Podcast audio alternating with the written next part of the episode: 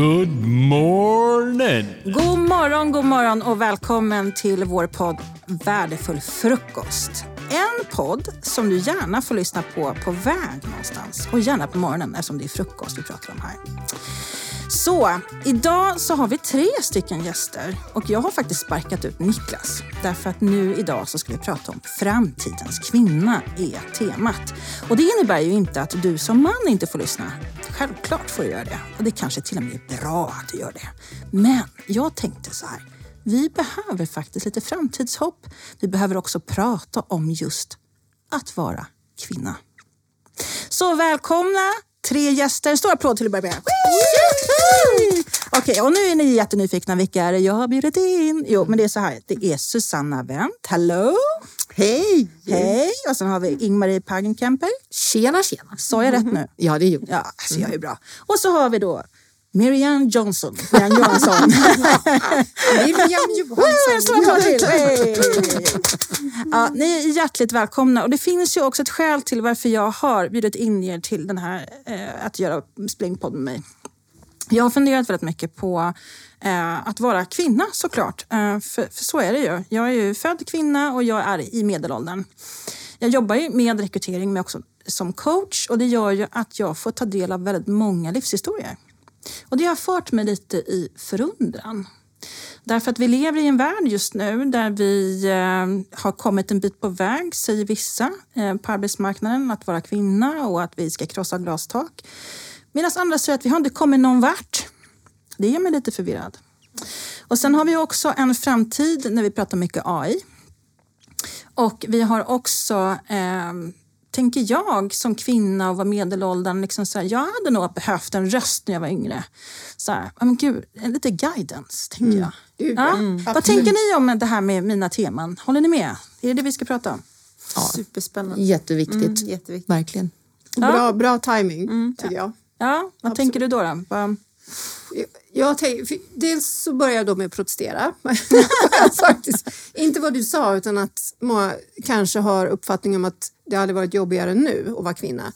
Ja, vi har mycket krav på oss.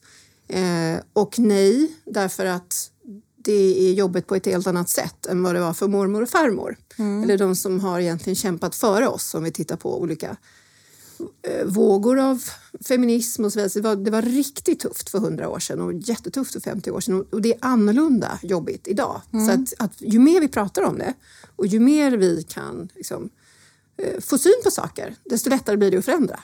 Och vad, har du några exempel på vad det är som är skillnaden just nu? Sådär? Eh, jag kan bara titta bakåt i, i, min, alltså min mamma och min mormor och, och de kvinnor som jag har omgivit mig med. så mormor föddes 1900. Eh, fick 12 barn i norra Finland. Alltså det var ett helt 12 annat barn? 12 ungar. Jag, har, vet inte, jag kan inte ens räkna alla mina kusiner. Mm. Eh, men det var ett annorlunda liv liksom, eh, för så länge sedan. Så att bara det faktum att vi lever 2023 gör ju att ja, det, det, är lite lättare. Vi behöver inte tänka på samma saker när det gäller att överleva som kvinna. Eh, men hon hade sin roll och det var ju gjutet i sten. Hon, hon födde barn och jobbade hemma på gården. Mamma var eh, hemmafru och sen också yrkesarbetande i familjeföretaget. Och det fanns inte så många valmöjligheter för henne, kan jag mm. säga, på 70, även om det var 1970. Mm. Och så småningom började ju kvinnor liksom kliva ut i arbetslivet på ett annat sätt, tack och lov, än som det var då. Så jag har ju mina referenser och, och, och, de är ju klart bara mina egna. Mm. Men eh, mm. det är det jag ser runt omkring mig, att ja, det är kämpigt. Mm. Men vi ska också veta om att vi står på axlarna mm. på alla de kvinnor och män som har kämpat före oss för Just att vi ska ha ett jämlikt samhälle. Mm. mm. De har liksom lagt ut röda mattan Absolut. till oss. Absolut. Ja, mm. matta vet men, men jag håller med. Det är liksom, de har gjort ett jäkla jobb mm. och vi ska föra det vidare. Mm. Men, men återigen, då, vad har vi för utmaningar nu då, som du ser ändå liksom, men att vara, liksom, om man jämför dem med vi har inte tolv barn idag, det är ganska ovanligt. det är väldigt ovanligt. Ehm, men ehm, vad ska jag säga, utmaningarna idag Eh, dels är det ju omvärldens utmaningar på oss. Förväntningar, eh, jobba i karriären och hänga med. Eh, tekniken och det digitala och så vidare. Men sen är det också, tänker jag, för mig i alla fall, och jag är som du jobbar som coach, eh, med våra inre förväntningar och de vi ställer oss på oss själva. Att vi ska vara alla de här sakerna.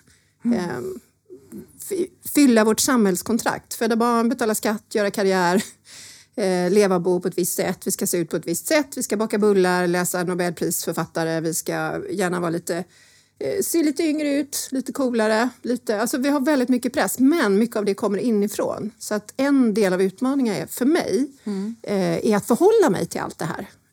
Och vara kvinna och 55 år. Mm, just det. Alltså jag tänker så här, nu när du ändå har berättat en massa smarta grejer här och man har ju redan börjat komma in i podden med att börja liksom tänka.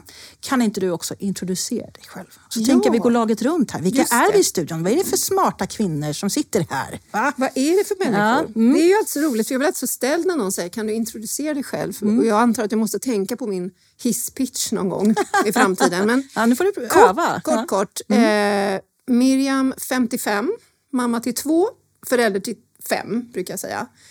Eh, bakgrund, eh, västkusttjej, uppvuxen i familjeföretag. Eh, och då kavlar man upp ärmarna och jobbar inom sälj många gånger. Sälj, marknadsföring. Men jag har också insett att mer och mer allt eftersom jag blir äldre så har jag navigerat mot människor. Eh, och det är mitt stora intresse idag. Eh, så nu är jag egenföretagare och jobbar med dels chefscoaching och eh, för att starta upp bolag bland annat.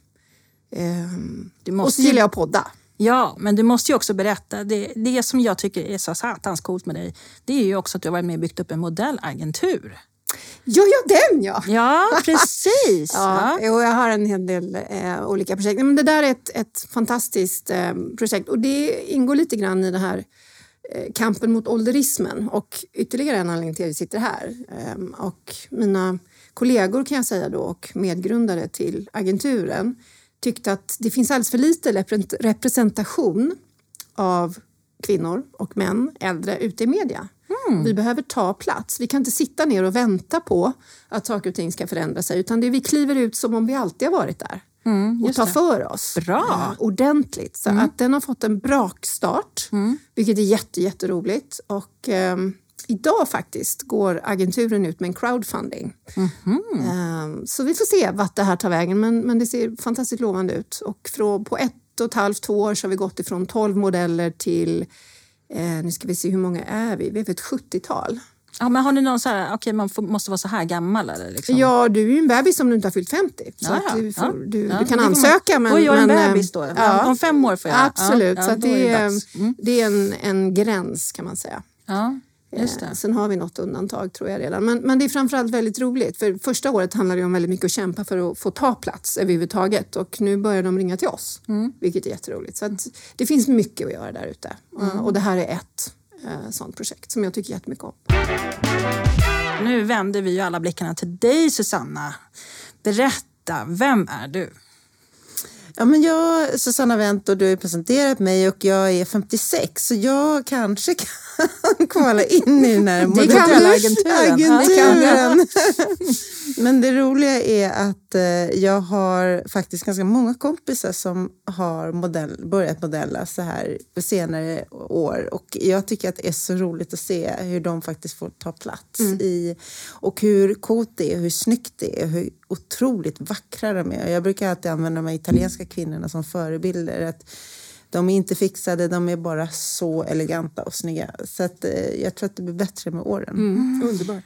Men om man ska presentera mig själv så jag kommer faktiskt från modevärlden. Jag har jobbat eh, 30 år med att bygga varumärken och jag började min karriär i, i modevärlden och eh, började med att bygga upp eh, Hugo, för Hugo Boss, deras retail globalt. Eh, Så att jag jobbade faktiskt på alla kontinenter globalt vilket var otroligt spännande när man var 27 år gammal. 27 år? Ja, coolt. Man fick chansen att göra det och åka ut och, och att de trodde på oss som var så unga. Att de släppte iväg oss bara och vi gjorde det. För att vi kände ansvaret för att leverera. Så det var ju superspännande. Sen valde jag att flytta hem igen och sen dess har jag då jobbat eh, både på byråsidan med att bygga varumärken men, eh, och sen tillbaka in i modesvängen där jag byggde upp retail för Gant och sen också deras licensbusiness. Eh, och sen ville jag byta bransch eh, och jag tänkte att jag måste liksom utmana mig själv och har alltid drivits av det här med det visuella, eh, med uttryck, med att vilja säga någonting, med att liksom eh, göra gör någonting bra eh, för liksom, eh, kulturvärlden och då valde jag att hoppa över till Fotografiska som jag har då jobbat med de senaste sju åren. Och då är det Fotografiska museet vi pratar om, eller hur? Då pratar vi om Fotografiska museet och de har då etablerat sig i ytterligare fyra länder. Så under de här sju åren så har jag byggt upp då både för eh, Fotografiska New York, Tallinn och senast nu Berlin och Shanghai. Ja, coolt! Ja, Så det har varit en otroligt rolig resa. Men vad har du gjort då när du säger att du har byggt upp? Ja, men det, jag, är då, och jag har egentligen alltid haft den rollen att jag kommer ju från business-sidan men jag har en visuell bakgrund eller liksom jobbat med kreatörer. Så i det här fallet så har jag jobbat med arkitekter på ena sidan Eh, och sen får jag ju säkerställa att det operationellt fungerar också det vi ritar. Så att när vi går in i de här otroligt vackra husen som ofta är K-märkta då är det ju så att man måste säkerställa att de fungerar för det vi vill skapa. Eh, så att arkitekterna ritar någonting som passar inte bara eh, en, en look and feel som de vill få fram och eh, ofta vill de ju skapa sitt eget varumärke utan det måste passa in i staden, det måste ta hänsyn till huset, det måste ta hänsyn till verksamheten och det man vill driva där. Och då är jag liksom mellanhanden mellan dem. Alltså jag sitter ju bara och funderar på hur var det under de här åren att vara kvinna i de här olika länderna, olika kulturer. Ja, just Och du var ju liksom big boss tänker jag. Du klev in där och dominerade och så här, så här ska det vara. Du byggde ju upp en massa saker. Ja, men det intressanta är att det, det, jag tänkte inte så mycket på det då, för jag var så ung. Så att jag tog bara min väska på den tiden så, så hade man ju inte datorer som var så här små, utan man hade ju overhead som man reste med när man skulle göra presentationer. det låter just helt det. sjukt, Ja. men det var, det var så. Eh, och eh, det var ju bara att göra. Eh, så att jag hade en kollega och hon sa så här, du får till Sydamerika. Så att min första resa gick till Sydamerika och det var ju bara att jag kunde italienska därför att jag hade bott i Italien eh, ett år och pluggat inredningsarkitektur men, men jag kunde inte spanska. Men det var ju bara att åka dit och göra det. Eh, så eh, jag tog min väska och gjorde det. Sen, där var det ju inte så svårt, men sen när man kom, det är klart när man kom i Mellanöstern och i de länderna så eh, kanske det var lite knepigare. Men jag, måste, jag, tycker bara att man anpassar sig också till att jobba i de kulturer. Man lär sig jättemycket och jag har alltid blivit respekterad för det jag gör. Det är ju en superpower, det här med att kunna anpassa sig. Som, som jag sk- tillskriver liksom, den kvinnliga delen. Att, eh, Det kanske är så. är. Ja, jag, jag tror också att just den här... Jag brukar alltid säga det här med att man är...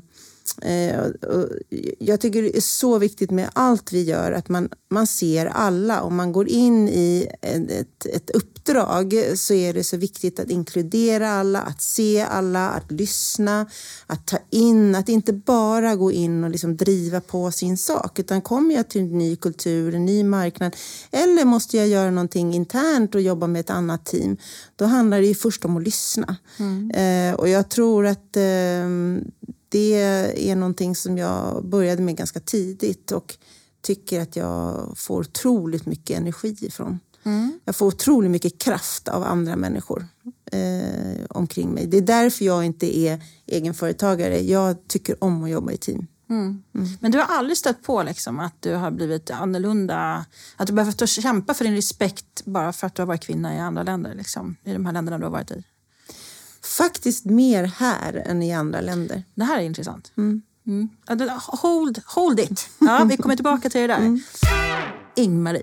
Mhm, mhm. I'm telling you. Ja, vem är du?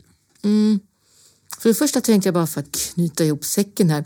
Jag har faktiskt döpt efter en eh, svensk fotomodell som fortfarande jobbar i branschen, Ingmarie Lamy. Hon, hon, jag tror, underbar. Ja, hon är helt underbar. Mamma såg henne i en tysk damtidning i slutet på 60-talet och tyckte att hon var så snygg och att namnet var så fint så jag döpt efter henne. Eh, Och med det sagt, jag är, Det är så eh, coolt. Underbart. jag är 54 eh, och har inga barn men en helt underbar man. Är han Ehm, jurist? Nej, det är han inte. Han jobbar med Inte delikatesser på gott och ont. Ehm, och ehm, ja, jag kom hit till Sverige när jag var 19 efter jag hade tagit studenten. Uh, mest bara för att jag ville vara annorlunda än alla mina kompisar som tog ett eh, ett års paus i England eller i USA eller i Frankrike. Men jag skulle partout vara annorlunda och eh, åkte till Sverige. Um, tänkte stanna ett år men um, träffade förstås en kille som alla au pair tjejer gör. Um, stannade och tänkte jag ger det en galen sommar. Men uh, vips så har det gått 35 år. Uh, inte samma kar på långa vägar. Men, Ja, samma... men vi kan tacka honom för det. Vi, vi, kan, vi kan tacka honom, absolut. Tänker inte säga hans namn. Eh, men ehm, ja, de, eh, när det gäller mitt yrkesliv så eh, har jag jobbat nu ganska... I januari blir det 30 år. Jag har jobbat i kultur och nöjesbranschen. Ehm, jag har inte alls egentligen den bakgrunden. Jag gick på universitetet och läste teatervetenskap och språkvetenskap. Men eh, det har mest blivit kuriosa saker att prata om på middagar, men jag har aldrig jobbat med det. Eh, Däremot nöjesbranschen ligger mig väldigt varmt om hjärtat. Eh, Jag började som DJ, som ljudtekniker, ehm, som arrangör och bokare för sen så småningom eh, gå över till att ha faktiskt personalansvar, budgetansvar och bli ehm, nöjeschef på jättefina ställen eh, som Lydma hotell, eh, Berns, ehm, Södra Teatern och så vidare, ehm, vilket var jättelärorika år. Och just de åren ehm, när jag var bokare och arrangör och nöjeschef, där upplevde jag otroligt mycket att jag fick bevisa att verkligen att jag dög fast jag var kvinna. Mm. På vilket sätt då? Ja, just när jag jobbade som tekniker. Eh, som ljudtekniker. När, när det kom utländska band och jag skulle rodda upp och fixa och soundchecka så kom de liksom, ja kan vi få en sån där kabel du vet som ser ut som en banan eller kan du ha en kabel som har såna här tre piggar du vet. Jag var med, alltså Jesus Christ. Eh, och, eller också gärna amerikanska rappare som vägrade att överhuvudtaget ha med mig att göra. Jag vet vilka du pratar om. Ja, precis. Eh, Det har, Oh vi, my det har goodness. vi pratat om. Och det har inte bara hänt en gång, det har hänt många gånger. Så att jag la till mig faktiskt en, eh, en väldigt, väldigt tuff ehm, ja, mask i princip. Och den har jag haft på mig tills ganska nyligen. När jag verkligen kände att men nu jävlar, jag, A, jag har inget kvar att bevisa. B, jag vet vem jag är. Eh, och C, jag är faktiskt ganska duktig på det jag gör. Och då, kunde jag, då förändrades hela mitt sätt att, ehm, att jobba. För de senaste 12 åren har jag jobbat då som VD på olika ställen. Eh, Södran, Hamburg Börs och eh, sen var det ju, eller först var det Hamburg Börs, sen Södran och sen Cirkus och senare koncernen Cirkus Venues. En fantastisk resa och det är väl egentligen när det gäller min ledarskapsstil har utvecklats något så otroligt. Och det är lite som du Miriam, jag tycker också att det här med att jobba med människor, eh, herregud vad spännande. Om jag nu, just nu skulle behöva välja mellan att jobba resten av mitt liv med kultur och nöje eller med att utveckla människor ska jag fan inte veta vad jag, vad jag skulle välja. Alltså det är lite dagsform på det.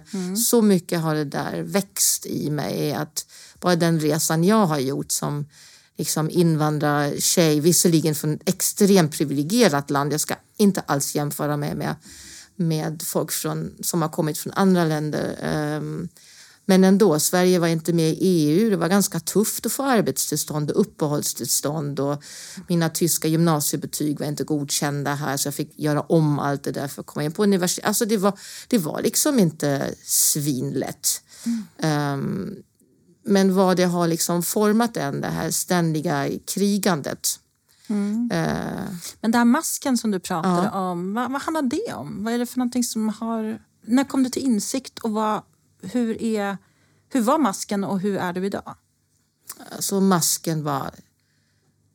Alltså, folk var ofta lite rädda för mig. Jag, var, jag upplevde som väldigt respektingivande. Ehm, blandat med lite just att folk var lite skraja för en. Helt i onödan för jag är stans mes faktiskt. Eh, jag är konflikträdd så det liksom visslar om det. men eh, eh, jag bara la till med det. Liksom. Jag, eh, militär, kort hår, eh, gärna kängor. Alltså, det, jag, jag försökte lägga till mig alla attribut för liksom att uppfattas som respektingivande. För uppenbarligen räckte det inte med att, att jag uppenbarligen hade den position jag hade. Utan jag kände att jag behövde förstärka eh, med, med, egentligen med, med någonting som väl rent slarvigt skulle kunna kallas för manliga attribut. Mm, just det. Blev mm. det skillnad då? Ja, det mm. blev det. Mm. Eh, det har naturligtvis en annan effekt och det är att man då blev bitchen. Mm. Um, och det dras jag väl fortfarande med att jag tycker att det är så svårt när, när, vi, när man pratar om att liksom man ska tillåta sig själv att och, och, och, och, känna saker eller man ska, vara, man ska vara rak, man ska vara ärlig, man ska känna efter. Men där känner jag som kvinna är det fortfarande så att jag måste tänka mig för 40 gånger. Är jag en snäll ledare? Är, tolkas det då som eh, svag och velig? Eh, är jag en tydlig och tuff och kravställande chef och ledare och vd är jag då bossbitchen. Mm, mm. Um, och, och, jag har jättesvårt personligen att hitta en balans i, i det. Uh, och jag skulle så gärna vilja... Är det fortfarande så? Eller? Det, ja, eller folk har den uppfattningen om mig. Den har mm, liksom bitit mm, sig mm, fast. Mm. Och det, det, det är ju så. Jag har ju också figurerat en del i, i press, alltså just på nöjes och kultursidorna. Um, och då har jag ju också varit mån om att framställa mig själv som uh, ja, den starka, uh, okrossbara tyskan.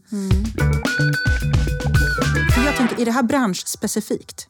Är det så att man måste ta till de här, den här masken bara för att man är i kulturbranschen där det är en hård attityd? Jag tänker restaurangbranschen överlag. Är det så här, att det har med det att göra? Eller är det här någonting alltså är det här generellt? Vad, vad säger ni? Jag tror att det... Utan att veta stensäkert så tror jag att, att um, det beror på. Och det är ju, inte, det är ju världens enklaste svar att slänga fram. Men jag tänker kulturbranschen, ja. Eh, med tanke på vad du sa precis. Ehm, men också vad det är för liksom, rådande kultur där du arbetar. Hur ser ledarskapet ut? Hur mogna är ledare och medarbetare? Ehm, hur lätt eller svårt är det att prata om? Vilket arbetsklimat har vi oss emellan? Mm sen per bransch, alltså jag, vi har ju varit med ett tag vi som sitter här och jag kan säga att jag, i olika branscher beror lite grann på var jag har hamnat någonstans mm. eh, och hur ledarskapet sett ut. Och skillnaden har nog varit att det har funnits ett väldigt tydligt ledarskap som sagt så här, så här kör vi eh, mm. på den här verkstaden. Mm. Eh, och då blir det lättare eh, att, att prata om de här sakerna, speciellt om man känner sig utsatt. Men känner du igen den här masken? Jag har kanske haft en annan mask. Min har liksom varit att jag ska vara alla till lags hela tiden. Mm. Det är ju mm. min my go-to place, därför att jag har så mm. lätt att anpassa mig själv.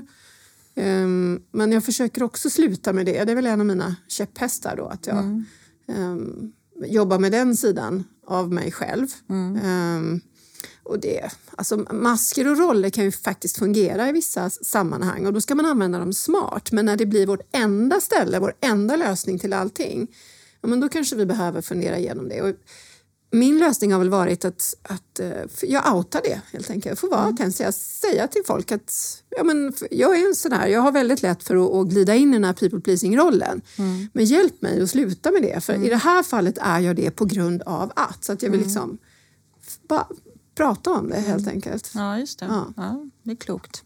Vad säger du då, Susanna? Om masker och, och ledarskap och bransch? Nej, men jag, funderar, jag har svårt att svara på om det är branschspecifikt. Men det kanske, jag är nog mera kanske inne på det som du var inne på med att det har med ledarskapet att göra. Eh, kulturen i ett bolag. Eh, för det är klart att man kan stöta på eh, att man behöver... Alltså, jag har satt på mig klackar när jag gått in och gjort presentationer för att man känner sig lite mer power när man står där. Mm. Det är någonting man... En känsla. Mm. Eh, så absolut, visst har jag gjort det. Ehm, och visst finns det.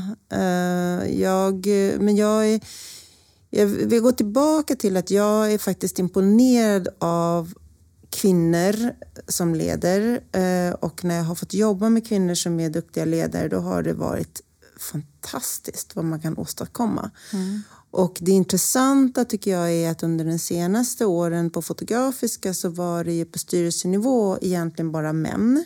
Mm. Och alla under var kvinnor. Mm. Så att de som egentligen utförde arbetet var kvinnor i ledande mm. positioner. Mm. Och jag tror att det här är ganska vanligt. Och den kan väl jag känna eh, lite frustration över för att det en, en styrelse påverkar ju också neråt. Att, att någonstans så ska ju de samarbeta. Ehm, och där kan jag ju känna att det har varit ibland svårt att få igenom saker som vi efteråt har fått ändra därför att de inte har förstått. Mm. Ehm, så att ja, kanske. Mm. Mm. Det är en ehm, himla skillnad att jobba med en styrelse som är resultatorienterad kontra en som är verksamhetsorienterad, ja. som vet vad det är som pågår. Jag vill att en styrelse när de kommer till mötet så ska inte de parkera på gästparkeringen, de ska ut på lagret mm. och ta den vägen in mm. och snacka med folket som jobbar där. Exakt. Och sen gå hela vägen upp till styrelserummet mm. och prata för att få en, liksom, mm. en känsla. Och då kommer du tillbaka till ledarskapet. Ja. Liksom. Vad, är det för, vad är det för någon typ av kulturen i en verksamhet? Mm. För den, den styrs ju uppifrån. Så att, Um, ja, och jag menar, jag eh, jobbade ganska länge på Gant och gick igenom tre chefer under den tiden. Eh, alla var män, men de var väldigt olika i sitt ledarskap. Mm. Eh, och den sista kom från eh, en, en, miljö som var väldigt grabbig. Och då började man prata ishockeyresultat och fotbollsresultat när man, när man möttes i, i, i det och på lednings, ja. ledningsgruppsmöten. Och då hade jag väldigt svårt att, att vara med i de samtalen och då exkluderas man ganska snabbt. Då, och, det, och helt plötsligt blev det lite konstigt för att vi jobbar ju ändå med mode. Och eh, helt plötsligt så blev det nästan sekundärt att eh, det, som skap, det som var det som vi skulle skapa eh, i en sån verksamhet, den, den hamnade liksom inte på, högst upp på agendan. Eh, och, det, och, och då valde jag ju byta, eh, för att det gick ju inte det går ju inte att jobba i en sån verksamhet. Mm. Och jag, vill, jag vill vara tydlig, så här, det, jag håller helt med. Det är inte, det är inte branschspecifikt. Men där, där jag var, det var ju alltid hybridverksamheter. Det var ju oftast också hotell och restauranger och eh, konferens och event. Så att, men, men däremot var min funktion att tillhandahålla nöje och kultur väldigt isolerat och oftast bara jag. Eh, så att då, då blev det väl så, men självklart är det liksom ledarskap, styrelse, hela den biten som, som sätter tonen. Mm. Mm. Och med en uppmaning mm. eh, till kvinnor att ta styrelseposter. Exakt. Det är också, det, vad vi Exakt. gör formar ju också, eftersom vi nu pratar om framtidens kvinnor och, och hur är det här och nu, att ja, men gå Styrelseakademin. Gör det bara. Sen vet vi ju inte när vi får användning för just den kunskapen. Men jädrar vad vi ska kliva in eh, fram. Och jag har ju en son och en dotter. Jag tänker alltid så här, vad är det för värld jag vill att hon ska kliva in i och vilka, liksom, vad ska hon ha med sig från mig? Och då är det en keep your doors open, för det är så vi skapar förändring. Men det vi egentligen pratar om här nu, det är ju kvotering. Och nu slänger jag ut den frågan. Den kan vara känslig. Och vem utav er nu som vill hugga på den, så do it. Men vad säger vi om kvotering? Ja, jag hugger på den mm. direkt. Um, och det är för att jag har bytt åsikt, mm -hmm. eller jag har mhm. svängt i mm. frågan. Um, jag tyckte ju för ett antal år sedan att ja, det, det skulle inte vara så roligt att bli inkvoterad på grund av ja, vad det nu är, ursprung, kön, ålder. Uh, och sen så insåg jag efter ett tag att nej, men alltså, det går ju för långsamt. Har, det, mm. har det hjälpt då? Nej, mm. det går inte tillräckligt fort. Det går till och med baklänges, speciellt om vi tittar på startup-branschen. Mm. Eh, så då eh, ställde jag mig på andra benet och så tänkte jag så här, okej, okay, om vi nu har gjort så tidigare och vill ha ett annat resultat så kanske det är dags att byta metod. Och då tänker jag att kvotering Ehm, för att få in eh, kvinnor eller annan typ av representation i livsåsikt, erfarenhet, uppfattning, kognitiv förmåga, vad det nu än må vara, är en tillgång i alla avseenden. Så att ja, vi behöver spida på lite grann. Och utan att ha kollat hur det har gått i Norge som faktiskt har gjort det här racet ett antal år ehm, så tänker jag att jag är beredd att prova det för att se om vi får upp farten lite grann. Så, så att jag har svängt och just nu kvotering, ja tack. Jag säger Miriam, vad säger ni då? Samma sak, faktiskt. Exakt samma resa. Från nej, aldrig i livet. Eh, Jag vill Eh, få jobbet eller vad det nu kan vara på, på grund av mina meriter och vad jag kan. Men det är precis som du säger Miriam, det går alldeles, alldeles för långsamt. Vi är för lata.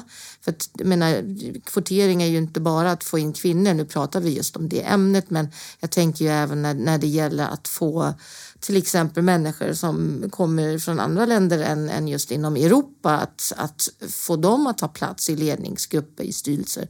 Det skiter sig oftast för att eh, redan på, på rekryteringsnivå är folk lite för lata och sen ska vi inte ens prata om hur jobbigt det plötsligt är att behöva prata engelska i ledningsgruppen.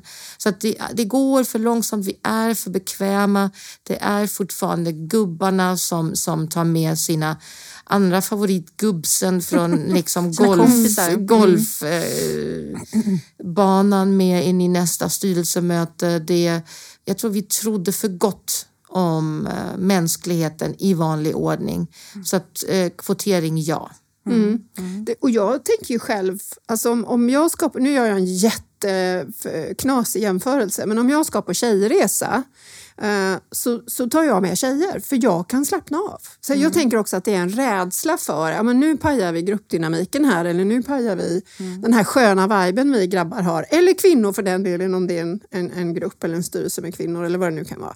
Att man är lite skraj för det som är annorlunda och bryta förtrollningen man har så, så röstar vi in någon som är likadan som oss. Så att det finns ju en mänsklighet i det också. Så, så att jag menar, jag, nej, jag tar inte med eh, eh, grannen eller, eller sambon eller mag eller vem det nu är på tjejresan. Så jag förstår mekaniken. Men ska vi förändra någonting så är det ju dit vi behöver gå. Det här är vårt professionella, vårt professionella liv. Så det är viktigt. Så. Och nu är jag intresserad av att höra vad Susanne... För nu får du ut, så här, utslagsröst, höll jag på att säga. Nej, men jag håller ju faktiskt med er. Och, men sen så tycker jag att det finns ytterligare en dimension till det här. Det ena är att absolut mer kvinnor i styrelser, men jag kan också känna att styrelserna är för homogena. Att det är liksom samma typer av roller. Det är lite som jag är inne på hela tiden, att jag tror att man man ska våga ta in någon som kommer med någonting annat. Därför att det är då man skapar, liksom, hur ska bolaget utvecklas? Hur ska det se ut i framtiden? Våga ta in en yngre person eh, som kommer med någonting eller någon som är äldre in i, i en, eh, ett, ett startup till exempel som har mycket erfarenhet eller jobbat i andra länder, i andra kulturer. Jag tror man måste våga skapa energi och dynamik i de här, med den här Åh, typen av jättebra. rum. Mm. Därför att eh, jag, jag känner ibland att de här styrelser man går dit, man läser på, man eh, tycker någonting om siffrorna och sen så går de därifrån. Och jag känner så att det ska vara en kraft, ett maskineri framåt. Det ska ju vara en hjälp till de som sen ska genomföra arbetet. Ehm, där känner jag att jag skulle vilja... Får, får jag smita med? Jag fick precis en Jag har ett tips. Ja, we like. som jag brukar eh, ta upp, speciellt i styrelsearbete. Och det är ju samma saker där, det handlar ju om ledarskap. Och om jag eh, får lov att lägga fram ett förslag ibland så kan det vara så här, det kan vara intressant i sådana sammanhang om en styrelseordförande eller den som, som leder mötet säger så här, okej, eh, innan vi avslutar idag så kommer jag gå laget runt eh, och så kommer jag fråga var och en så här, vad tänkte och kände du idag som du inte sa under styrelsemötet? Mm, jättespännande.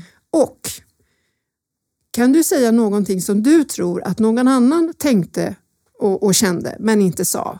Och varför du tror att den personen inte sa det som han eller hon tänkte jag bara ser en catfight framför mig. Fast inte en catfight, det blir en bearfight. Ja, men jag har skrivit lite om det här på, på, på min blogg därför jag tror att det är viktigt. Att för det, annars blir det den femte osynliga hjulet på styrelsemötet. Det är det som inte blir sagt.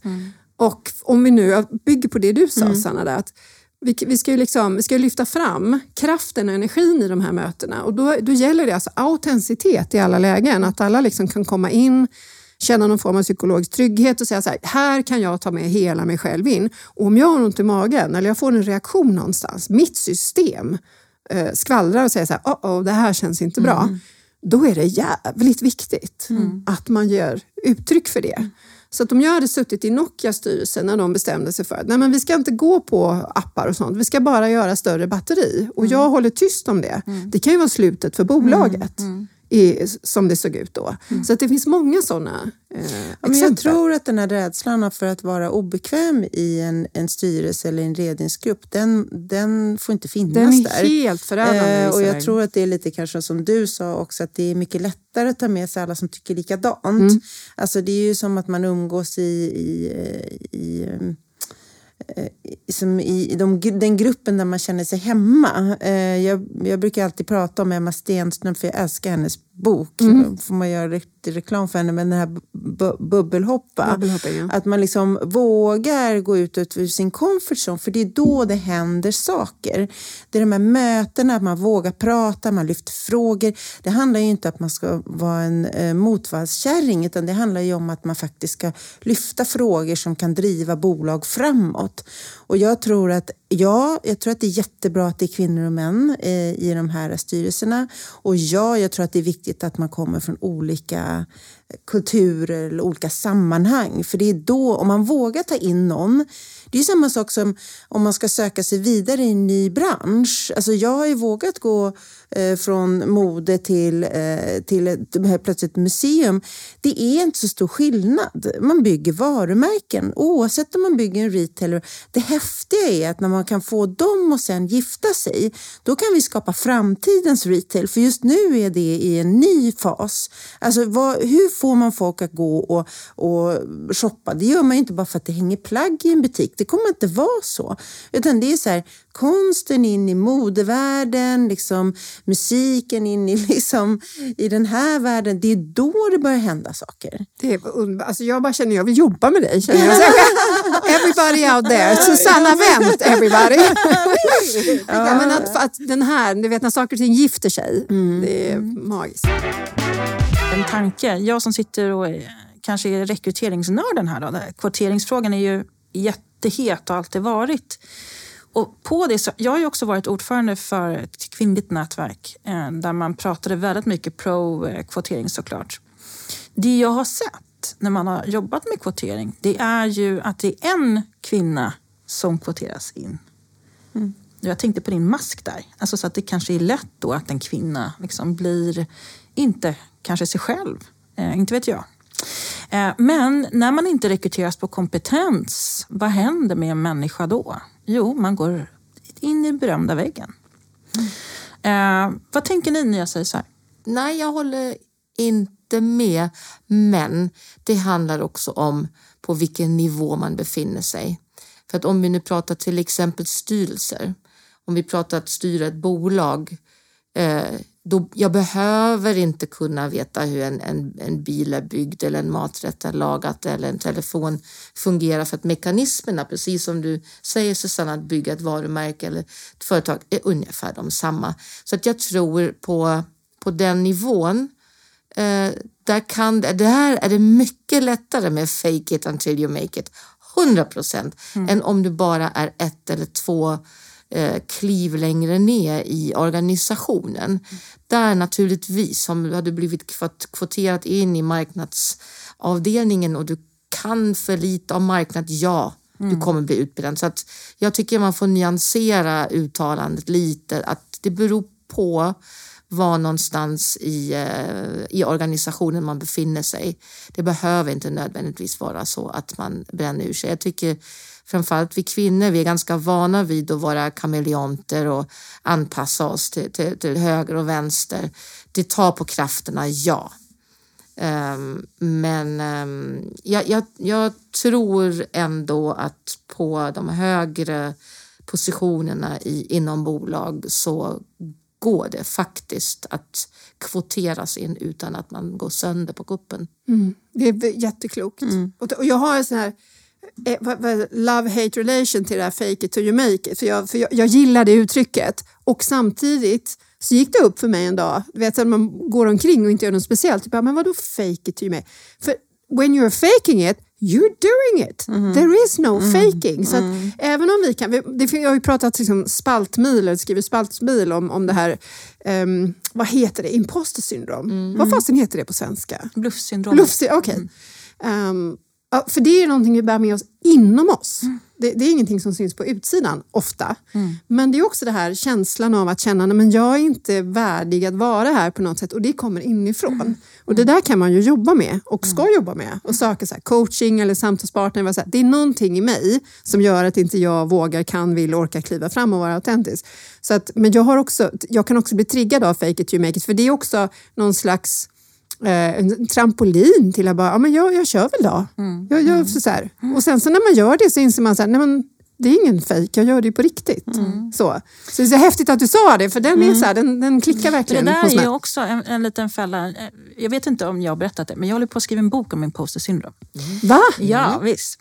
Eh, Ja, men alltså, du, hur många strängar har du på din ja, jag inte. Ja. Men, men, och då, den är inte klar, så jag ska inte sitta här och säga att det finns någonting färdiglevererat här. Men, men det är ju också, fake it till make it, det är ju det som eh, jag tror också är boven i dramat.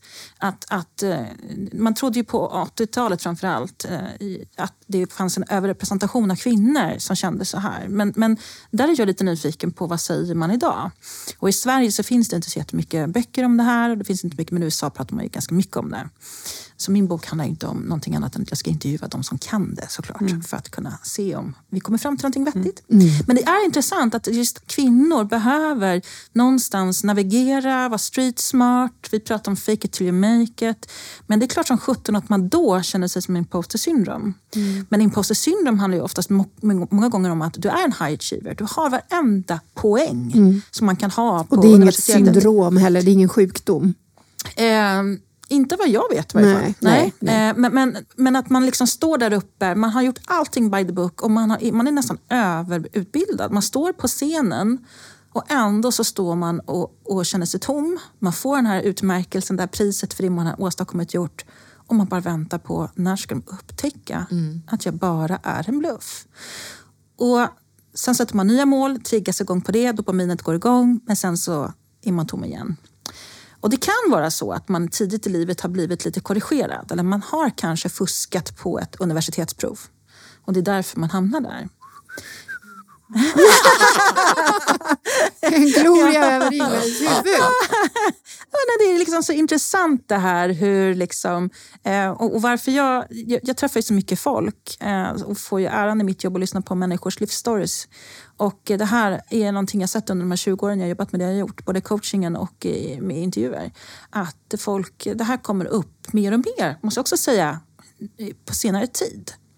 Jag tror att det här är någonting vi verkligen behöver prata om också. Men jag, jag tänker så här, förlåt om jag avbröt dig. Men eh, att vara autentisk tror jag är, är viktigt i allt man gör. För jag tror att idag, eh, om man tittar på att man hela tiden ska vara så himla perfekt i, liksom, i alla sociala medier och man visar en, en sida utåt som man kanske egentligen inte tycker att man sen i verkligheten kan leva upp till.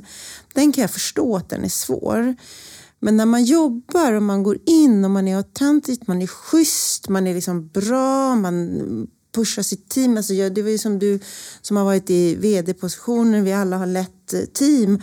Om man, är, om man, är, man kan vara tuff och hård och liksom, men vara autentisk, man, var ju, man har liksom det i sig, då, då tror inte jag att det här är så svårt. Men jag tror att man, man kan inte börja med att försöka skapa någonting annat än vad man inte är. Eh, och det skulle jag, om man fick ge någonting till de unga som kommer efter, efter oss som är yngre nu, att, att faktiskt ta med sig det. Tänk hela tiden, vad går jag igång på? Vad tycker jag är kul? Vad, vad vill jag representera? Eh, alltså, där tror jag att man har kraften. Försöker man göra något annat, då blir det ju, då blir det ju fake. Men då är, blir det ju inte bra. Jag tror inte att det blir bra då. Ja, det, har, det håller jag helt med om. Att autenticitet. Och jag, ser ju en del av det komma nu med den yngre generationen. Jag ser min dotter som är 19 och hennes kompisar. De, de håller sig till det de tycker är roligt. Eh, och det ger dem en större kraft framåt. Absolut. Så jag, jag tror att förhoppningsvis är det redan på väg. Eh, Och det vi syns lite till. i modevärlden faktiskt. Mm. Att det här att man börjar gå tillbaka, man börjar liksom köpa vintage, man behöver köpa... så Man, man, man går lite emot det här perfekta, liksom, det ska vara lite... Alltså jag tror att det finns en kraft. Alltid när det, är så när det börjar slå över, då kommer en annan kraft under. Och jag brukar alltid säga att det är det här som är så häftigt. Att när man ser att, att eh, det, som, det man kan följa kultur och, och, och konst och sådär. Om man, om, man, om man sätter sig in lite i, i eh, modern konst eller det, eh, då förstår man de krafterna som sker i samhället. Och då kan man också se, okej, vart är vi på väg? Och just nu är det ju mycket oro i världen och då, då startas saker. Liksom. Och det, om man kan göra något positivt av det så är det också väldigt kraftfullt. Mm, det blir jättekul. Ja, alltså herregud. Eh, Jag blir alldeles eh, rörd. Eh, Ni är så kloka. Eh, jag tänkte faktiskt så här. Jag tänkte slänga ut en liten... Ni sitter ju här. Ni har en otrolig resa bakom er. Och ni har också... Att ni är kvinna i det är, tycker jag... Det är det som är viktigt idag i vårt program. Så att om ni skulle så här, säga någonting till ert yngre jag, som ledare, som eh, chef ibland, eh, när ni har stått där på toppen. Eh, om ni tittar tillbaka, vad skulle ni säga till ert yngre jag? Jag har inte stått på toppen än så att... eh, I'm on my way. You are on your way. And the best is yet to come. Ehm, ja, alltså vad skulle jag säga? Jag tänker så här, vad skulle jag velat höra då för 20-30 år sedan? Ehm, det är egentligen två saker. Det ena är så här, för att jag... Ett ett gott råd är nog eh, skaffa liksom, någon i din ringhörna. Se dig omkring. Vem ser du upp till i din absoluta närhet eller i, eh, på din arbets... Skaffa en mentor, skaffa en coach. För kvinnor, nu pratar jag för alla och, och skäms inte för det. Ehm, jag älskar att vara mentor. Jag älskar när någon kommer till mig och säger så du, alltså jag, har, jag har den här utmaningen. Jag älskar att gå till andra som jag känner att det här är någon som har erfarenhet som jag skulle behöva ha. Mm. Släpp prestigen. Som, spelar ingen roll om du är 20, 40, 30 eller 100. Bara gå, prata, så, tell the world what you want. Kicka ut åldersjante. För mm, visserligen finns ju, alla känner väl, i alla fall jag känner omgivningen och omvärldens förväntningar. Men det är mina egna jag kan jobba med. Jag tänker inte begränsa mig själv. Jag har sagt nej tack till åldersjante. Eh, så så mitt, mitt råd till de yngre är Ehm, ja, men se dig om efter fler som du. Och jacka i det som du ser upp till och det som du inspireras av. Och hjälp en annan kvinna för i helskotta. Därför att vi i vissa lägen konkurrerar inte med männen, vi konkurrerar med andra kvinnor. Det var som, vad var det som sa det här med att man är en kvinna i, i ledningsgruppen. Ja men hjälp en annan in då. Som är kompetent och som det, det här är bra.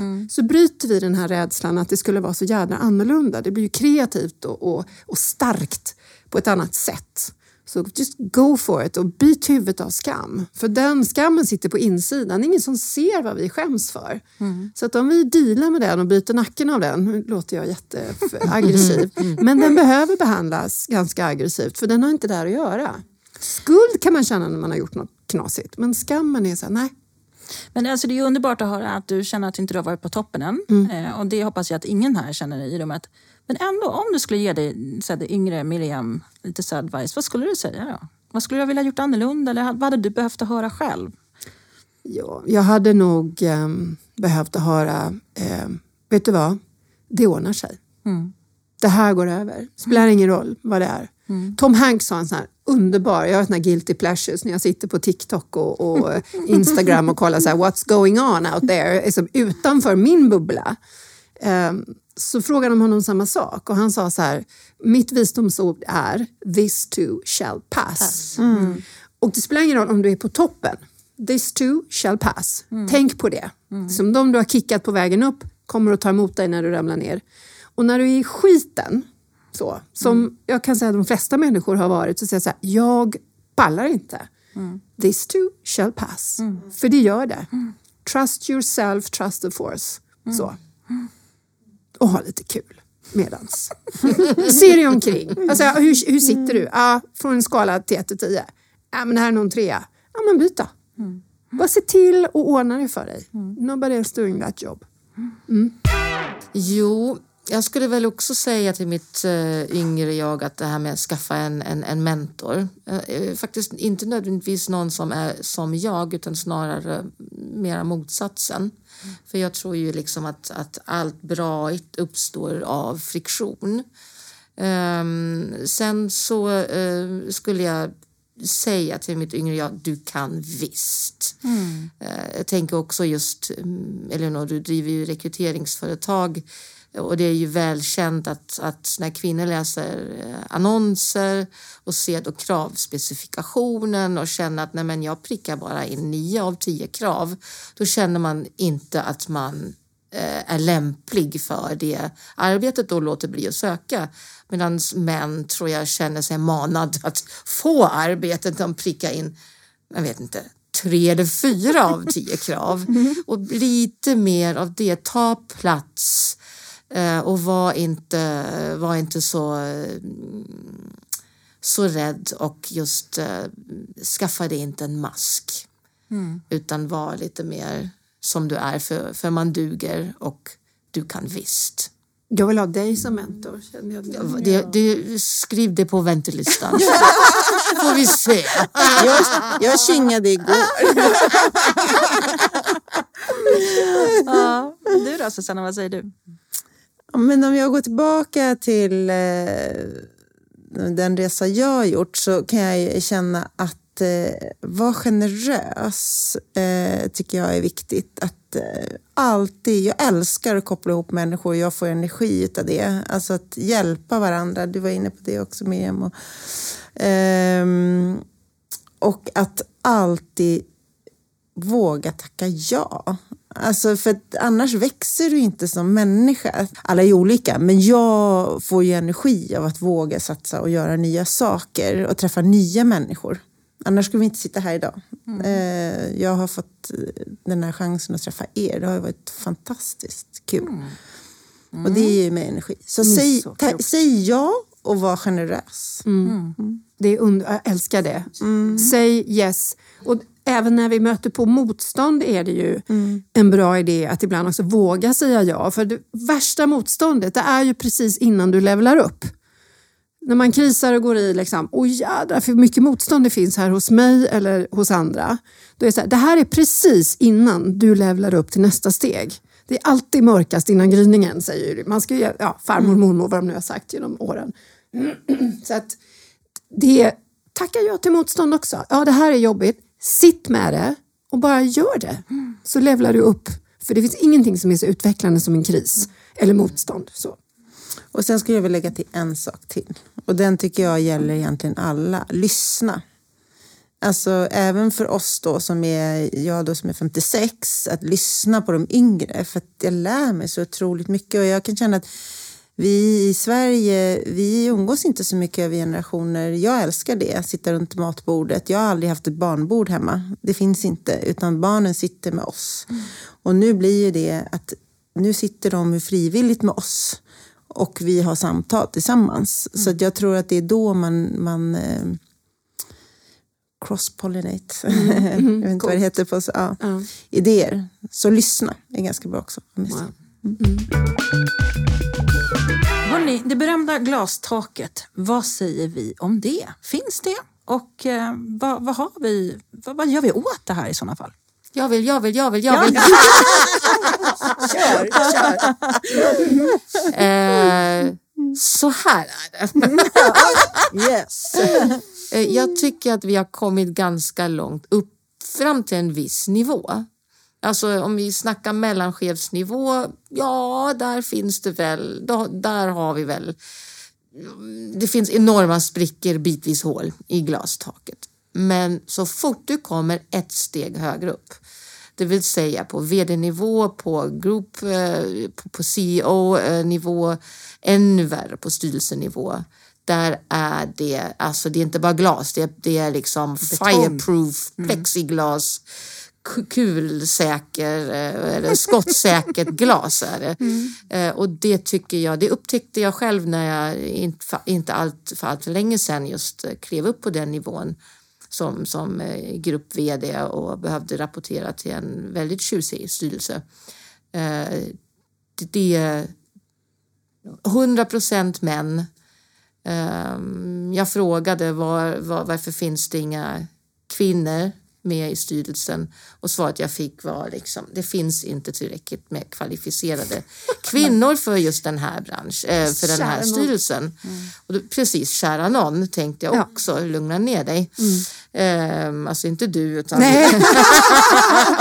Kom aldrig lugna ner mig. Eh, nej, precis. För att det, jag blev helt förskräckt och, och det var en så sorglig upptäckt att de som är de riktiga makthavarna, eh, där är det fortfarande becksvart, upplever jag i alla fall. Eh, och vad ska vi göra? Ja, det, jag tycker det är att säga ifrån, eh, vara väldigt tydlig. Det här är inte okej. Eh, och det gör man ju, om man gör det så riskerar man sitt eget jobb med det. Eh, det, det vet jag allting om. Eh, att inte vara bekväm, att inte vara till lags utan att påpeka att det här är inte okej. Men det måste vi göra. Eh, Jag brukar säga om inte jag, vem då? Eh, Jag är en privilegierad vit kvinna utan barn. Det, det, det, ligger, det ligger ett enormt ansvar på mig att faktiskt kriga på. Ehm, men det är ju förknippat med risk för både att man känner sig utstött, ensam eller ja, till och med bli av med jobbet. Ehm, men ändå, ni som kan, kriga allt ni kan. Exakt. Och där, jag bygger på det, jag är helt med. Ehm, och när vi når de där positionerna också bjuda in andra kompetenta kvinnor eh, dit till den. Vi tar hissen upp helt enkelt genom att bjuda in andra. Det hade varit helt fantastiskt att få en sån position. Eh, oavsett om det kom en, en, en utsträckt hand från en, en kvinna eller en man. Men, men framförallt kvinnor kan hjälpa eh, och se andra. Så varje gång jag hör den där, nej men vi har letat, ja men då behöver ni leta eh, bredare och djupare och jag kan ha tre namn till er på torsdag. Eh, och så krigar vi på. Det är det vi kan göra, både för oss själva och de som kommer efter. Och ära de som har gått före naturligtvis. Mm. Jag eh, tänker specifikt på en kvinna som jag träffade för ett tag sedan som är, alltså hon är så sjukt kompetent eh, och hon sitter i ledande position. Hon har blivit handplockad eh, på alla nivåer. Hon är så ödmjuk. Extremt ödmjuk. Och eh, det gör ju att man tycker väldigt mycket om henne. Men det fick mig också börja tänka på, är det rätt? Är det så att vi kanske behöver sätta på oss en mask ibland? Alltså behöver vi kaxa till oss? Är, det så att vi ska så här, är, ödmjuk the way? Är det det som gör att för oss in i de här positionerna? Vad tror ni? Jag kommer med mitt det beror på-svaret. Det är mitt frikort ut. Nej, men, ja, men lite så är det ju faktiskt. Det beror ju på. För Jag tror inte att man kan gå emot sin egen autenticitet och, och sätta på den här masken eh, om det inte är så man är. Och jag har all respekt för en kvinna som har eh, kommit så långt och som har kvar sin eh, ödmjukhet. För det tror jag är en enormt viktig egenskap i andan this too shall pass. Ehm, och samtidigt så tänker jag att när vi adderar lite smartness i livet så tänker jag att ja, men det kanske är nödvändigt då och då att göra det. Det vet vi bäst själva. Ehm, och en av sakerna jag, jag säger ibland till de underbara människorna som har förmåga, eller förmågan, um, äran av att sitta och, och coacha, speciellt kvinnor, och det spelar ingen roll vilken ålder de har, så säger jag så, men vad har du hängt dina pistoler? Därför att de har inte blivit eh, så att säga, lärda att man kan använda dem i olika lägen. Så att bara det faktum att, att, eh, att de får tillåtelse av sig själva att kämpa lite extra, eh, även mot sånt som är orättvist, eller framförallt mot sånt som är orättvist, eh, gör att vi kan ta för oss lite mer. precis som du säger, det, det, det beror på, men också åt vilket håll. Alltså, jag skulle vilja påstå att, att eh, jag är en extremt ödmjuk ledare när det gäller min organisation och min verksamhet, mina medarbetare. Eh, men däremot när det gäller att, att vara i, i, i, i fight mode bort tyvärr i styrelsen, för det är oftast fortfarande så att man behöver vara där.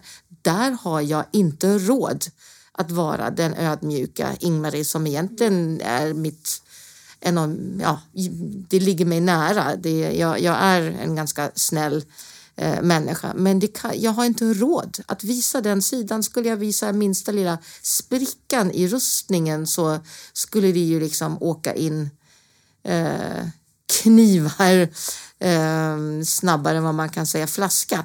Eh, så att det, det, det beror helt och hållet på. Man kan absolut vara den mest ödmjuka ledaren någonsin.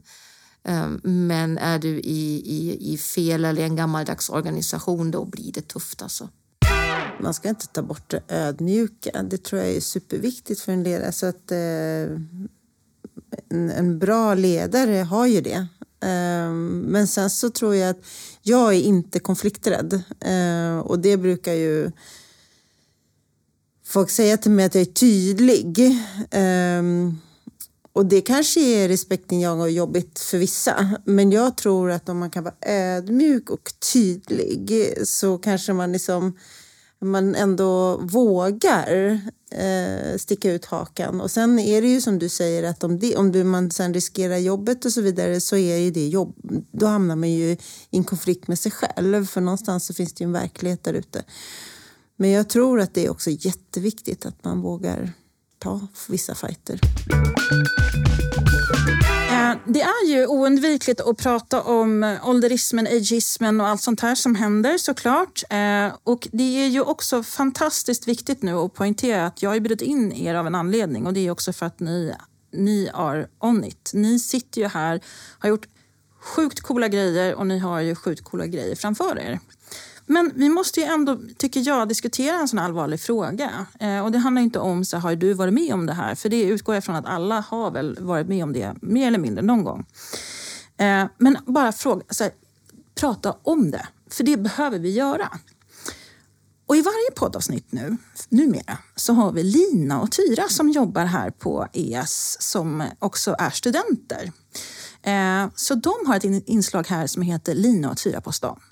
Och nu så ska vi få höra lite grann om hur de har tagit sig an den här frågan. Och så får ni liksom kommentera på det wow. Mm. Hej och välkomna till Lina och Tyras segment här i podden. Ja, ännu en vecka. ännu en vecka har gått. Ja. Den här veckan tänkte vi snacka lite om åldersdiskriminering. Ja, och alltså jag har lite tankar. Jag skriver mitt examensarbete om ja, kvinnor på ledande befattningar just nu. Mm. Det är otroligt spännande. Mm, verkligen. Och det är ju verkligen powerkvinnor som vi har pratat med. Mm. Eh, så inspirerande. Eh, men det finns också en baksida. Verkligen.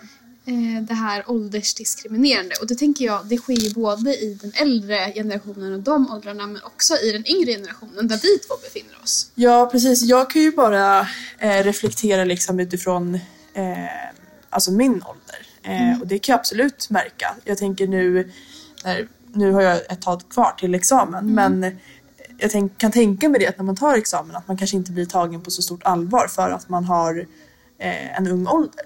Ja, men, alltså, men som mm. du säger så finns ju faktiskt ålders, åldersdiskriminering även i äldre Ja, åldrar. verkligen. Och, um, Kanske framförallt kvinnor. Ja, jag tror det. Och det har man ju hört många prata om. Mm. Eh, ja, men till exempel de här kvinnorna som startade eget eh, filmbolag just för att de fick inga roller. Nej. Att de är för gamla. Precis. Och det är helt galet. Mm. Så ja, ska det, det inte vara. Och de här kvinnorna är ju så erfarna och så duktiga så att det är, ja, man förstår inte. Nej. Men du, likväl som vi gjort tidigare, ska vi liksom kika på stan? Vad folk tycker och tänker om eh, åldersdiskriminering och liksom kvinnors perspektiv och vad det finns för utmaningar och så. Ja, jag tycker det låter som en jättebra idé. Nu står vi här med Anna Lidberg. Så roligt. Vi tänkte ställa några frågor till dig. Ja, visst. Ja, och den första frågan är ju då vad kvinnor har för utmaningar på arbetsmarknaden kopplat till ålder. Det vet inte jag faktiskt, men jag har hört att en del kompisar säger att det är svårt att få jobb om man är typ 55-60. Mm. Ja, Har de sagt någonting vad det kan bero på eller så här, har du något? Ja, typ att de, det är snart ändå dags att sluta. Liksom. Ja. Mm. Typ. Eller att de är för, inte tillräckligt uppdaterade på vad som händer nu. Ja, det blir verkligen ett problem, tänker jag. Ja, i alla fall om man har vägrat använda en dator Ja. de senaste tio åren. Då kan Ja. det vara kört. ja. Man måste hålla sig uppdaterad. Och eh, hur kan kvinnor stötta varandra mer på arbetsmarknaden? Har du några så här tankar eller så kring det? Ja, men jag har aldrig känt att det är ett problem. Liksom. Att man behöver, jag har inte känt i alla fall att jag har behövt stöttning i något sammanhang. Nej. Men som... ja, alltså att det var annorlunda förut. Och nu, har- jag tror att det är lite mer problem nu. För att det har... Överhuvudtaget så är allt mycket mer sexistiskt nu. Det är sjukt sexistiskt. Om man tänk, det var det ju inte på 70-80. Nej. Fast då var det ju ett annat... Då var det ju fritt, Ja. fritt sex med alla. Nej men det var ju liksom en helt, an- det var en helt annan... Man såg inte på tjejer på det sättet Nej. som man gör nu. Nej. Tycker jag i alla fall. Sen har det säkert hänt massa grejer som inte... Ja, man, man vet ju inte allt. Liksom. Nej. Nej. Men det var annorlunda samhälle. Stort tack för att du ville svara på frågorna. Ja, visst, varsågod. Ja, här var det intressant. Dels så pratar Lina och Tyra om ageism från ett annat perspektiv. Att vara för ung och kvinna. Vad är ert take på det här? Ja, men det, är ju så, det finns ju så härliga, roliga paralleller. Jag tänkte på det du sa från början, Ingmar, det här att, ehm, att någon trodde på dig eh, trots att du var, vad var du, 27? Alltså, trots, nej, vad var det du sa? ja. Alltså, mm. Som trodde mig trots att jag var den åldern, alltså, så ung. Och jag tänker så här, nu så, skulle, så är det intressant om någon säger så här, men någon tror på mig trots att jag är 55. För, för vi har liksom, den har vi ju med oss lite nu och jag håller ju med i, i det vi precis hörde att det, ja, men det kan vara svårt att få byta jobb eller få nytt eller, eller få en ny anställning vid 55-60 men um, det här med att, att vara för ung, det, är ju, det känner jag är lite mitt jobb som har varit med ett tag. Det är min uppgift. Um, att dela med mig av min kunskap och hjälpa dem in. Eh, och de kanske hjälper mig på något sätt. Ehm, så vi, ska, vi ska prata om det med de unga. Alltså för att ålder ska inte vara eh, ett hinder eller en kategorisering eller ehm, ja, ett hinder för, för oss på arbetsmarknaden helt enkelt. Jag blir supertriggad av det. Mm. Det finns ju statistik på att eh, tydligen så just kvinnor har ett fönster mellan 40 och 50. Det är där vi varken är för unga, för unga eller för gamla. Det är då vi liksom är okej för vissa positioner. Så det är ett väldigt, väldigt smalt fönster. Eh, så visst, det, ju, det kan ju vara lika jobbigt, eller det är lika jobbigt för, för, för de unga som det är för oss som är 50-55 plus. För jag tror idag så pratar vi ju om det för att man då råkar ha fyllt 40. Men jag tycker också det är intressant att så, så här, prata om just... Det är faktiskt svårt för yngre att komma in på arbetsmarknaden. Så tack Lina och Tyra för den taken. Vad bra. Vi ska lyssna på ytterligare en eh, liten intervju på stan. Nu står vi här med Lina. Lina. Vi tänkte bara ställa några frågor till dig. Går det bra? Det går jättebra. Ja, då är den första frågan. Vad har kvinnor för utmaningar på arbetsmarknaden kopplat till ålder? Jag tror att det inte bara är kopplat till ålder. Jag tror faktiskt att det är kopplat till självförtroende. Eh, inte bara, man tror att det har med ålder att göra, men, men jag tror att det är en självförtroendesfråga. Okej. Eh, Mm. För jag pratar med många eh, Ja. kvinnor dagligen. Okej, om- du jobbar med det också? Nej, nej det Nej. gör jag faktiskt Nej. inte. Men, men jag tycker att jag vill ändå liksom promota tjejer och, att de, och kvinnor. Eh, och det jag ser är att man kanske inte har lika bra självförtroende när Nej. det kommer till jobbet. Nej. Eh, och då kan man också kanske misstolka det ibland. Men sen om man tittar på, på just den här eh, det- frågan som du ställer. Ja. Det är ju så här, männen eller killar är vana vid det de är vana vid Ja. och är bekväma med det och då väljer man det kanske. Så att jag tror att det är en, också en vanefråga. Jag tror att det blir mer och mer vanligt att man belyser det och då blir man mer obekväm med att göra sina sam, liksom, de Ja. gamla valen som man Ja. faktiskt de gamla liksom, man, jag har alltid gjort så här. Men så fort någon ifrågasätter så blir det Ja. lite obekvämt. Ja. Så det är Gud, vilken intressant reflektion. Det där Ja, verkligen. Nej. Eh, och sen nästa fråga då. Hur kan vi kvinnor stötta varandra mer på arbetsplatsen och på arbetsmarknaden? Jag tror att man måste våga.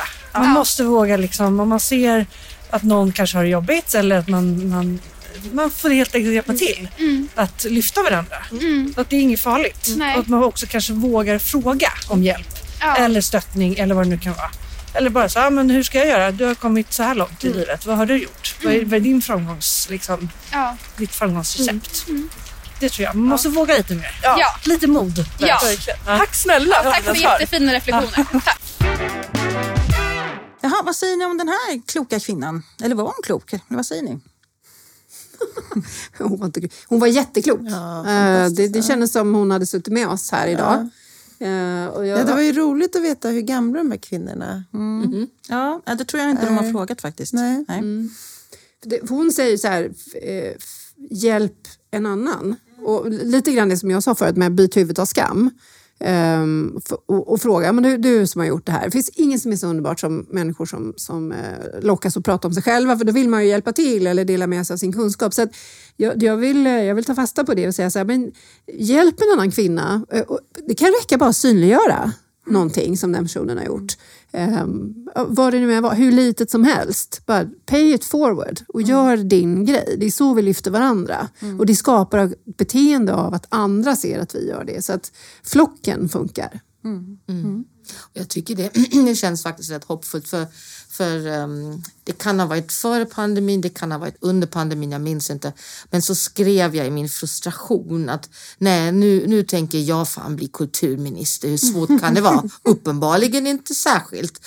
Eh, och det är typiskt jag, jag skriver jämt saker som är over the top, är lite varstans. Eh, och jag, men det fick ett sånt gensvar liksom, alltså jag överdriver inte, det var kanske 800 personer som liksom kör och vi supportar dig och liksom inkorgen var fullt med främst kvinnor bara vi kan vara dina spinndoktorer och vi, det, blir, det blir tajt till nästa val men valet därpå jävlar då. Jag tror att jag läste det Ingmar. Var det du som skrev det? Ja, det, jag är säkert inte den enda som har jo, skrivit någonsin. Ja, men, men alltså det finns ju för att återknyta till, till det som hon sa som intervjuades där att, att man måste ju också säga till mm. att man vill ha hjälp mm. uh, och om man gör det så finns det ofta mycket mer än vad man hade kunnat våga drömma om. Mm. Du är inte ensam. Nej. Det blir Precis. ju så tydligt. Vi är inte ensamma. Mm. Så. Mm. Ja, men jag har en annan tycke, det kanske inte var direkt på det där men det slog mig nu. Um, att om man tar kulturvärlden så är ju den, den drivs ju av kvinnor framförallt. Det är ju det är kvinnorna som går på utställningar och på teater och, och sen kanske de får med sig männen men det är ju liksom 80 procent ska jag säga kvinnor.